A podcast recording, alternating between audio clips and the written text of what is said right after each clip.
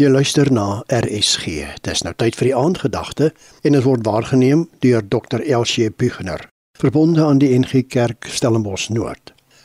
Goeienaand luisteraars. U is sekerlik besig om te skarrel in die kombuis, kinders met hulle huiswerk te help en 'n paar ander goed gereed te kry. Ons gaan hierdie week by 'n paar mense of Bybelse karakters kuier. Gewone mense soos ek en jy mense wat probleme moes trotseer en wat ook soms gesukkel het om te glo onder moeilike omstandighede. Gewone mense in die gewone lewe. Soos met die oggendgedagtes, is dit my wens dat hierdie persone se verhale ons wysheid sal gee vir die uitdagings wat op ons pad kom.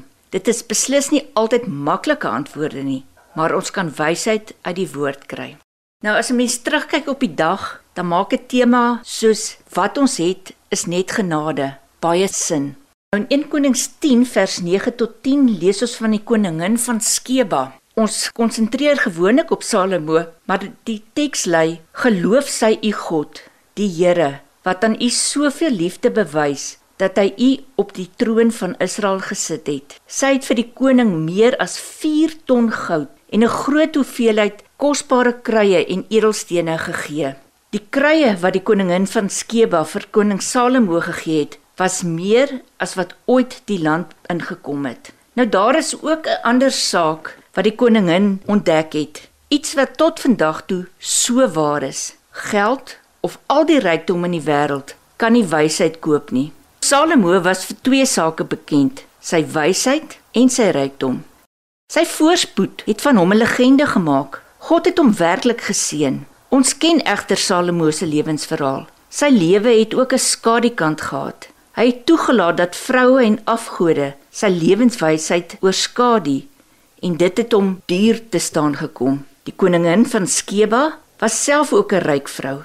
As iemand 'n geskenk van 4 ton goud kon bring, kon dit sekerlik nie te sleg gegaan het nie. Maar welvaart het haar nie sommer beïndruk nie. Tydens haar besoek aan koning Salomo, het sy besef dat Salomo se rykdom en heerskappy nie deur sy eie toedoen is nie. Ook dit kom van God af. Vriende, as mens nou op die dag terugkyk, jou huis, jou werk, jou motor, jou posisie, jou kinders, jou man of vrou, jou vriende, alles kom van God af en dit is genade. Gee aan hom die dank en erkenning en hanteer dit wat hy aan jou toevertrou het met wysheid. Arthur Schopenhauer het gesê, rykdom is so seewater. Hoe meer ons drink, hoe dorser word ons en dieselfde is waar van roem. Here, as ek so rondom my kyk, moet ek vandag bely, ek het genoeg. Ek besef vandag weer eens, wat ek het is net genade. Baie dankie vir u sorg. Amen. Dit was die aandgedagte hier op RSG, waargeneem deur Dr. Elsie Buchner, verbonde aan die NG Kerk Stellenbosch Noord.